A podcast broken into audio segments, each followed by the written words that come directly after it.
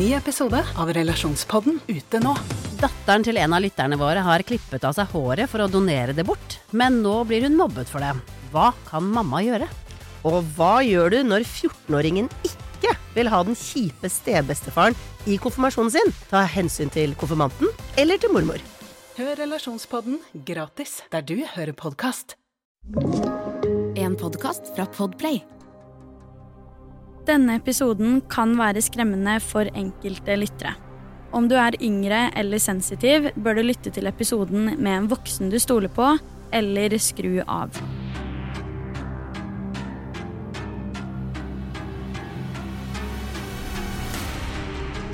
I denne ukens episode skal jeg ta for meg en sak jeg antar at de fleste av dere har hørt om. Om du ikke er kjent med hele historien, så er jeg i hvert fall sikker på at du har hørt navnet i en eller annen setting tidligere. Dette er en av de aller mest kjente kriminalsakene fra Europa, og definitivt en av de verste sakene som jeg har gjort research på i løpet av tiden jeg har drevet med true crime i sosiale medier. Denne episoden inneholder også prat om seksuelle overgrep og incest. Som det er noe du trigges av, så vil jeg anbefale deg å heller lytte til en av mine andre episoder i stedet. Jeg skal fortelle dere historien om Elisabeth Fritzel i dag. Jenta som i totalt 24 år ble holdt fanget av sin egen far og utsatt for helt forferdelige ting uten at noen andre i familien visste om det. Faren til Elisabeth heter Josef Fritzel, men hvem var han egentlig? La meg forklare.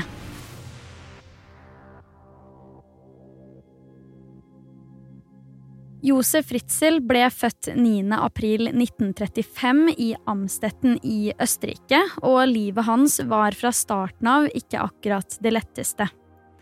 Dette startet faktisk med besteforeldrene hans på morssiden. Mormoren til Josef var nemlig ikke i stand til å få barn, og befant seg også i et veldig ustabilt forhold med mannen sin. Det virker likevel som at besteforeldrene på denne tiden hadde en del penger, for visstnok så hadde de ansatt flere folk til å jobbe i huset deres med forskjellige oppgaver. Fordi mormoren ikke var i stand til å bli gravid, så endte bestefaren opp med å gjøre tre av deres ansatte gravide i stedet. Og så skulle mormoren og bestefaren oppdra disse barna selv, ettersom at deres biologiske mødre uansett arbeida i huset. Dette er da sånn moren til Josef, nemlig Maria Fritzel, ble unnfanget. Etter hvert som Maria blir eldre, så ville hun jo naturligvis finne seg en mann selv, og det gjorde hun også. Hun finner seg da en ganske fattig mann, som hun nå ender opp med å bli gravid med. Barnet som nå blir født, heter Josef Fritzel. Josefs biologiske far endte imidlertid opp med å forlate både Josef og Maria helt alene, og var heller ikke til stede senere i livet til Josef. Det sies også at Maria heller ikke var til stede i livet hans, til tross for at det var hun som var nødt til å oppdra han. Hun ville nemlig ikke i utgangspunktet ha barn i det hele tatt, og skal derfor angivelig ha vært fysisk voldelig mot Josef, og generelt vært veldig fraværende. Josef ble jo født i 1935, rett før andre verdenskrig brøt ut i Europa. På et tidspunkt etter at Josef hadde blitt noen år eldre, så ble faktisk Maria pågrepet og sendt til en konsentrasjonsleir.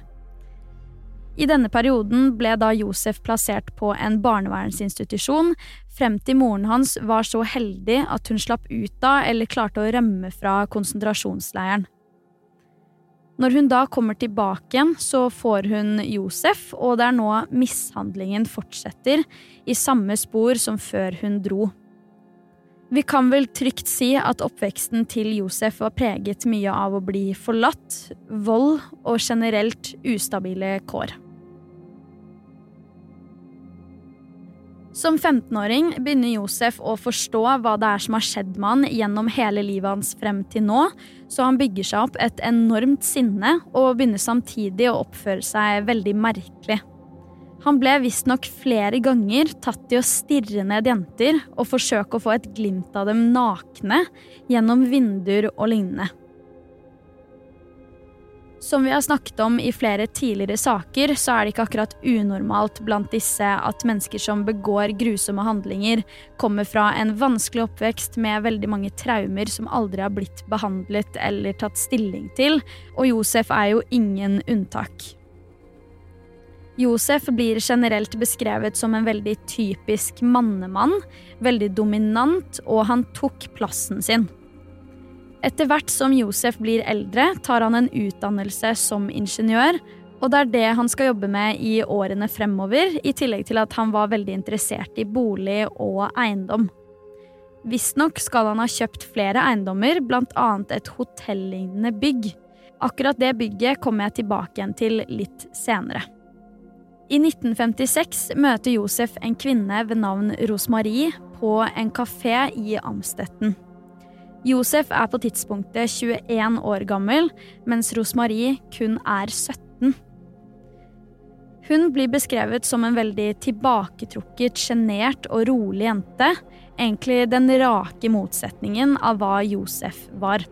Bare to uker etter dette første møtet så ender Rosmarie opp med å ta med seg Josef hjem til familien sin, og dette møtet går over all forventning. Josef blir av den kommende svigerfamilien sin beskrevet som en veldig utadvendt, snill, omtenksom og fin person å være rundt. De likte han utrolig godt, i hvert fall i begynnelsen. Etter hvert skal Josef eh, nemlig ha begynt å vise tydelige tegn på å være veldig kontrollerende, og han var angivelig personen som bestemte alt i husholdningen, uten at Rosmarie sa imot noen gang. Josef skulle liksom alltid ha kontroll over Rosmarie og alt hun gjorde, som i seg selv er ufattelig giftig i et forhold. Uavhengig av dette så ender paret opp med å gifte seg allerede samme året, og sammen får de totalt syv barn. Et av disse barna var Elisabeth Fritzel, som da hadde to brødre og fire søstre. Hun ble da født i 1966.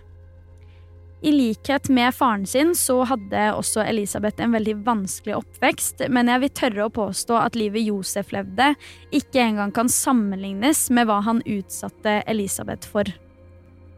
Allerede som liten ble nemlig Elisabeth gjentatte ganger utsatt for fysisk og seksuelt misbruk av sin egen far. Det er ukjent hvorvidt han gjorde dette her med alle eller flere av hans andre barn, men Elisabeth selv har i hvert fall forklart at det var det her som skjedde med henne under altfor mange omstendigheter. Året etter at Elisabeth ble født, da i 1967, så blir faktisk Josef Fritzel arrestert etter et seksuelt overgrep ved hjelp av våpen. Han hadde da fulgt etter en tilfeldig og ukjent jente hjem, brutt seg inn i huset hennes og samtidig truet henne med kniv. Han hadde deretter forgrepet seg på henne mens barnet hennes lå i senga og sov. Dette får Josef 18 måneder i fengsel for, men ender opp med å kun sone i et år. Kona hans, Rosmarie, oppi alt dette skal visstnok ha vært helt på Josef sin side, så hver gang hun besøkte han i fengsel, var det som om han ikke hadde gjort noen ting galt, og det virka rett og slett bare som en stor ulempe at han var i fengsel og ikke kunne være hjemme og forsørge familien. Som jeg nevnte litt tidligere, så var Josef veldig interessert i bolig og eiendom, og kjøpte blant annet et hotellignende bygg. Dette bygget ender faktisk familien opp med å flytte inn i, ettersom de var totalt ni personer i familien sin, og dette bygget nærmest hadde endeløst med rom. I tillegg til det så leide også Josef ut flere rom i bygget for å tjene litt ekstra i måneden. Hittil virker det jo utad som at dette er en stor og lykkelig familie, og det er verdt å nevne at Josef var en veldig respektert og godt likt mann i nærmiljøet, men på innsiden var sannheten en helt, helt annen. Jeg har jo nevnt Elisabeth Fritzel for deg allerede, og hun er i all hovedsak den viktigste rollen i denne saken. Jeg nevnte jo at Elisabeth fra ung alder ble utsatt for misbruk av faren sin, og det sies at både hun og resten av søskenflokken generelt var veldig redde for Josef. Hver eneste gang han kom hjem fra jobb, ble de alle musestille og ville til enhver tid ha han på godsiden, i frykt for hva som ville skje dersom han ble skikkelig, skikkelig sint. Det her er jo absolutt ikke sunne omgivelser å være i i det hele tatt, men spesielt som et barn. Fra Elisabeth var rundt elleve år, så begynte Josef å bli ekstra interessert i henne. Uansett hva han skulle, så tok han med seg Elisabeth, og det virka på mange måter som at han pekte seg ut henne av alle de syv barna. Elisabeth var generelt en veldig stille og rolig jente som ikke gjorde så mye ut av seg, og klassekamerater av henne har faktisk sagt at eh, da de kom inn i tenårene, så begynte jo jentene naturligvis å snakke om gutter, hvem i klassen som var ekstra søte og lignende, men Elisabeth tok aldri del i disse samtalene. Ikke en eneste gang hadde hun nevnt noen hun syntes var litt ekstra kjekk, og hun hadde heller aldri vært så interessert i å prate om de andre jentenes relasjoner til de guttene de snakket om. Det er jo nesten som at dette her var et skikkelig sårt tema for henne. Det er også verdt å nevne at selv om Elisabeth var veldig rolig og sjenert, så var hun også veldig godt likt av både venner og klassekamerater, men dessverre kom Josef veldig i veien for akkurat det her. De andre barna var nemlig livredde for Josef, ettersom at hver eneste gang de dukket opp på døra for å spørre etter Elisabeth, så var det han som åpna døra. Han var da illsint hver gang og brydde seg ikke i det hele tatt om hvordan barna oppfatta han, i motsetning til hvordan han fremstilte seg selv til de voksne i nærmiljøet. I 1978 bestemmer Josef seg for at han nå trenger enda mer plass i huset, så nå skal han bygge en kjeller under huset. Han søker om dette til kommunen og får det faktisk godkjent, fordi han har en veldig tydelig plan for hvordan han skal bygge det. Visstnok skal Josef ha vært veldig overbeskyttende overfor denne kjelleren, og han lot aldri noen få lov til å gå ned der i det hele tatt, ikke engang hans egen kone. 28. august 1984 er en veldig viktig dato. Se for deg at faren din spør om du kan hjelpe han med noe i kjelleren som han har brukt lang tid på å lage.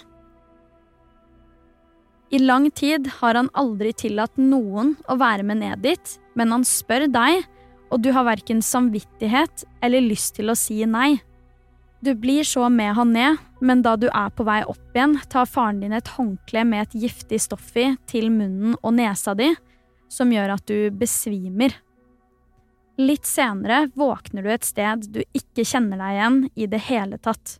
Det er mørkt rundt deg, og stedet du befinner deg i, ligner på en veldig liten, trang og primitiv leilighet. Du forsøker å komme deg ut, men den første døren du ser, er ikke bare lukket, den er låst. Det var akkurat det her som skjedde med Elisabeth Fritzel den 28. august 1984, etter at faren hennes i flere år hadde planlagt akkurat dette øyeblikket. På dette tidspunktet var Elisabeth 18 år gammel, og hun ante ingenting om hva som foregikk, når hun skulle komme ut, eller hva i all verden det var som var grunnen til at faren hennes kunne gjøre dette mot henne. Moren til Elisabeth, altså Rosemarie, skjønte etter noen timer at Elisabeth var borte, ettersom at hun ikke fant henne noe sted. Det har jo da gått en stund, så hun spør nå Josef om han har sett henne, samt alle de andre barna. Ingen av dem hadde sett henne, så Rosmarie ender nå opp med å ringe til politiet for å melde Elisabeth savnet. Midt oppi det her er egentlig Elisabeth nede i kjelleren knappe to meter under dem, uten noen mulighet for å komme seg ut, mens Josef ikke viser noen tegn til å være bekymra for hvor det har blitt av henne, for han var jo den eneste som egentlig visste sannheten hele tiden. Politiet tar jo da naturligvis inn både Rosmarie og Josef til avhør for å kunne kartlegge siste observasjon av Elisabeth og lignende. I et av avhørene forteller Josef at han nesten bare antok at Elisabeth hadde rømt fra huset uten å si noe. Ifølge Josef hadde hun nemlig gjort det en gang før, og var da bare hos en venninne, så han så ikke på det som noen umulig forklaring, sa han i hvert fall til politiet. Litt senere kommer Josef opp med en ny teori.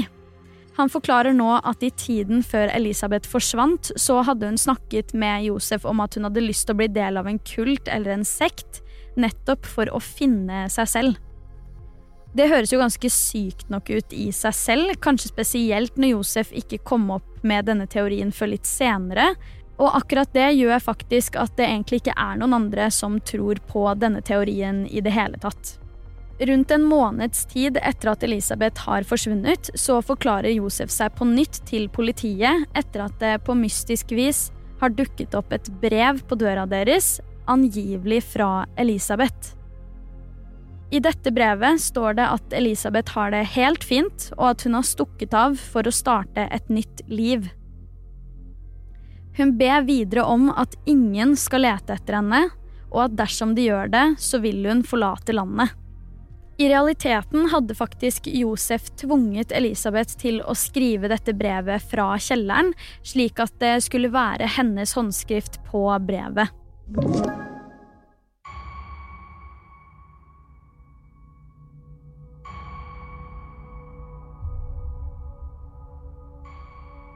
Realiteten bak hvorfor og hvordan Elisabeth hadde forsvunnet, var jo, som du skjønner, helt vanvittig mye mørkere enn som så, og det skulle vise seg at Josef hadde bygget denne kjelleren kun for akkurat dette formålet.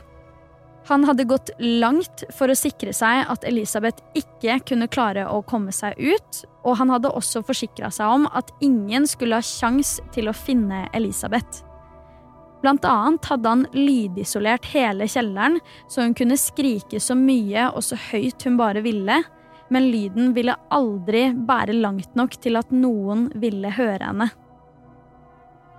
I tillegg til det hadde han ikke bare én dør i kjelleren, han hadde så mye som åtte dører totalt for å sikre at Elisabeth ikke skulle klare å komme seg ut, eller at noen skulle klare å komme seg inn til henne utenom han selv. Noen kilder sier at kjelleren har fem dører totalt, men skal vi tro 3D-videoen som VG publiserte i 2008, så har kjelleren åtte. Ifølge den samme 3D-videoen så var det sånn her kjelleren var bygget opp. Du går ned kjellertrappa og kommer ned til en labyrint av rom. Blant disse finner du et slags utstyrsrom og også et verksted. Det nest siste rommet før fengselet Elisabeth ble holdt i, inneholdt annet en hylle fylt med mange gjenstander som skal skjule den knøttlille døra som er forma som et nesten-kvadrat. På innsiden av denne døra finner du et rom eller en gang som inneholder annet en fryser. På baksiden av neste dør finner du dette fengselet, som verken har noe særlig ventilasjon eller noe som helst dagslys. Luftfuktigheten der nede var også helt ufattelig høy. En av kriminalteknikerne som etter hvert skulle etterforske denne saken, har forklart at han selv var nede i kjelleren en gang, og at han var veldig glad for at han kunne gå ut igjen.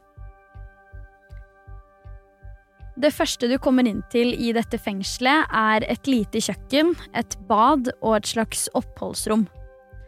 Bakerst i dette rommet finner du en veldig, veldig trang gang som leder inn til to soverom. Kriminalteknikerne har i ettertid fortalt at dette fengselet på det høyeste var 1,80 høyt under taket. Med andre ord, Elisabeth levde gjennom et sant helvete i denne kjelleren. Josef Ritzel brukte nemlig datteren sin som en personlig sexslave i alle de årene hun var der nede. Hun ble utsatt for seksuelle overgrep på nesten daglig basis, og det av sin egen far, som i utgangspunktet skal være en trygg figur i livet hennes, en rollemodell og en som i hvert fall ikke skal skade deg. Disse overgrepene resulterte i at Elisabeth ble gravid og fødte så mye som syv barn. Et av disse barna endte opp med å dø bare tre dager gammel pga. luftveisproblemer som Josef valgte å ignorere. Han forsto jo at han ikke bare kunne ta med dette barnet til legen, for da hadde han antageligvis blitt ferska, så han lot heller barnet dø nede i kjelleren sammen med Elisabeth. Hvert eneste et av disse barna ble født og oppvokst nede i kjelleren. Det her er så grusomt at det ikke engang finnes ord. Alle de barna her ble regelrett født inn i fangenskap. Noe som også er helt grusomt å tenke på, er at tre av Elisabeths barn plutselig dukka på døra hos Fritzel-familien da etter at Josef hadde tatt dem med opp fra kjelleren. Disse tre barna så jo naturligvis veldig syke og underernærte ut, så Josef foreslo at han og Rosmarie kunne ta dem under vingen og ta vare på dem hjemme hos seg. Sosialtjenesten i Amstetten ble også koblet på og var enig i denne avgjørelsen av en eller annen grunn. I utgangspunktet så er det jo veldig merkelig at ingen stilte spørsmålstegn ved hvor disse barna kom fra eller lignende. Jeg har i hvert fall ikke klart å finne noe informasjon rundt akkurat det. Hadde de stilt disse spørsmålene og klart å finne ut av det, så kunne de jo faktisk vært med på å avsløre Josef Ritzel oppi alt sammen. Uansett så blir disse barna tatt inn i huset, mens Elisabeth fremdeles er fanget i kjelleren sammen med sine tre resterende barn. På et tidspunkt etter det her så bestemmer faktisk Josef seg for å gi beskjed til Elisabeth og de tre resterende barna at kjelleren med glede kan bli utvida litt ekstra, men betingelsen er at de da er pent nødt til å gjøre det helt på egen hånd om det i det hele tatt skal bli noe av. Se for deg å få den beskjeden når du og barna dine er underernærte og du selv har vært der siden du var 18 år gammel. Når skal dette marerittet ende? Det føltes ut som at det bare pågikk og pågikk, og Elisabeth selv så virkelig ingen ende. Nå, la oss snakke litt om hvordan det endte opp med at Elisabeth til slutt ble funnet. Vi skal da frem til da Elisabeths eldste datter var så mye som 19 år gammel. Tenk det, hun har levd absolutt hele livet sitt i fangenskap, aldri sett dagslys og aldri hatt noen annen sosial kontakt enn moren og søsknene sine. Nå skal det skje noe veldig interessant. Den eldste datteren til Elisabeth får nå nemlig en eller annen form for sykdom som 19-åring, som bare aldri forsvinner. Elisabeth blir stadig mer bekymret, og siden Josef var der nede nesten hver eneste dag, så fikk han også beskjed om problemene til den eldste datteren. Tidligere så hadde jo ikke Josef gitt uttrykk for å bry seg i det hele tatt, men av en eller annen grunn bestemte han seg nå for å ta med den eldste datteren til sykehuset og bare slippe henne av utenfor akutten. Han skulle ikke knyttes til dette her på noe som helst måte, så herfra måtte hun rett og slett bare klare seg helt selv. Det også syns jeg er ufattelig fælt å gjøre mot et menneske som ikke aner noe om hvordan omverdenen ser ut. Hun har aldri vært i kontakt med helt nye mennesker, og hun har heller ikke sett dagslys. Jeg kan ikke engang se for meg hvordan dette her må ha føltes for den stakkars jenta. Uansett så får hun hjelp på akutten, men nå blir legene nødt til å finne ut hvem som er moren hennes, for å kunne kartlegge om jenta hadde noen underliggende sykdommer eller sykdommer som lå i familien. Akkurat det der var nok ekstra viktig fordi denne jenta ikke hadde noen medisinsk journal eller noe som helst. Hun var jo mest sannsynlig ikke blitt vaksinert som liten eller fått noe som helst oppfølging som barn, tatt i betraktning at hun ble født i fangenskap, så det er jo helt, helt forferdelig å tenke på. Nede i kjelleren der Elisabeth og barna bodde, så hadde de også fått installert inn en TV, hvor de bl.a. kunne se på nyhetene. I sammenheng med dette får Elisabeth med seg på en eller annen måte at de leter etter moren til denne ukjente jenta. Det er klart at det skaper både bekymring og en gigantisk klump i magen for Elisabeth, så hun ber nå på sine knær for å få lov til å melde seg til politiet. Hun sier også til Josef at hun skal love å ikke si noe som helst om fangenskapene eller lignende, og hun er kun nødt til å få meldt seg som moren, slik at datteren får riktig behandling og ikke dør. Av en eller annen grunn så går Josef faktisk med på det her, så han tar med seg Elisabeth til sykehuset, men denne gangen blir han også tvunget til å være med for å faktisk besøke datteren. Politiet er jo da også på sykehuset, og det er de som umiddelbart tar hånd om Elisabeth, ettersom de forsto med en gang at det var noe som ikke stemte i det hele tatt. Elisabeth nekter i begynnelsen å fortelle noe som helst, men etter hvert så blir hun stilt et ultimatum. Politiet forteller nå Elisabeth at dersom hun ikke begynner å fortelle sannheten, så kommer hun til å bli siktet for barnemishandling pga. tilstanden datteren hennes var i på sykehuset. Dette gjør at Elisabeth til slutt knekker og sier at hun kan fortelle sannheten så lenge hun slipper å se Josef Fritzel igjen noensinne. Politiet betrygger henne med at de skal sørge for at ønsket hennes blir oppfylt, så nå begynner Elisabeth endelig å fortelle hele sannheten om både faren og kjelleren. Dette sykehusbesøket skjer da den 26. april 2008, og dette markerer også dagen da Elisabeth Fritzel endelig slapp ut av et totalt 24 år langt fangenskap. To dager etterpå, altså 28. april 2008, så tilstår Josef alt sammen i avhør. Dagen etter dette igjen så blir det gjennomført eh, DNA-prøver som beviser at Josef Fritzel er far til både Elisabeth og alle hennes barn. 13.11.2008 blir Josef Ritzel tiltalt for drap, voldtekt, frihetsberøvelse, incest, grov utpressing og slaveri. Sistnevnte var Josef faktisk den første i Østerrike til å noen gang bli tiltalt for. Rettssaken mot Josef Ritzel begynner ikke før 16.3.2009, og sjokkerende nok varte ikke rettssaken i mer enn tre dager totalt. Dette var visstnok fordi Josef meldte seg skyldig på samtlige punkter utenom slaveri og drap, i tillegg til at det ikke ble ført inn noen vitner fysisk i retten, men heller over et forhåndsinnspilt videoopptak. 19.3.2009, tre dager etter at rettssaken starta, så blir Josef Fritzel enstemmig kjent skyldig på alle tiltalepunkter, og blir dermed dømt til livstid i fengsel med forvaring. Josef godkjente dommen med en gang, og dermed ble det heller ingen ankesak, så disse tre dagene i retten var i bunn og grunn mer en formalitet enn å finne ut hvem som faktisk var den skyldige. Et spørsmål jeg antar at du nå sitter med, er hvordan kunne det ha seg at verken familien eller noen av leieboerne i huset ikke kunne vite om hva som foregikk nede i kjelleren? Altså, Josef hadde jo planlagt dette her i flere år før han utførte noe som helst, og i den perioden så hadde han også gitt beskjed til alle sammen at kjelleren er beskytta av et elektronisk alarmsystem, så ingen har lov til å gå ned dit.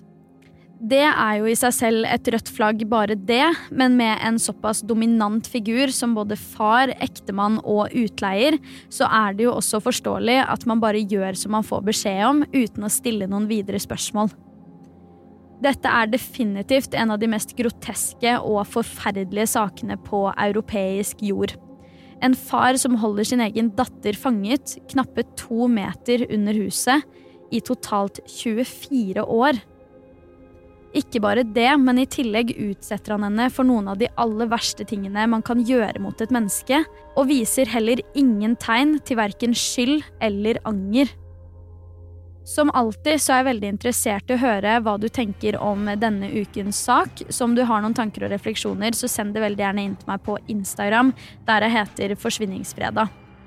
Der har jeg også lagt ut noen bilder som kriminalteknikerne tok da de etterforska kjelleren, om det er noe du har interesse av å se. Du har hørt Forsvinningsfredag podkast med meg, Sara Høydahl. Og dersom du vil høre om flere true crime-saker, så kan du også sjekke meg ut på YouTube, der jeg heter Sara Høydahl. Uansett så kommer det en helt ny Forsvinningsfredag podkast-episode allerede neste fredag. Og i mellomtiden, ta vare på deg selv.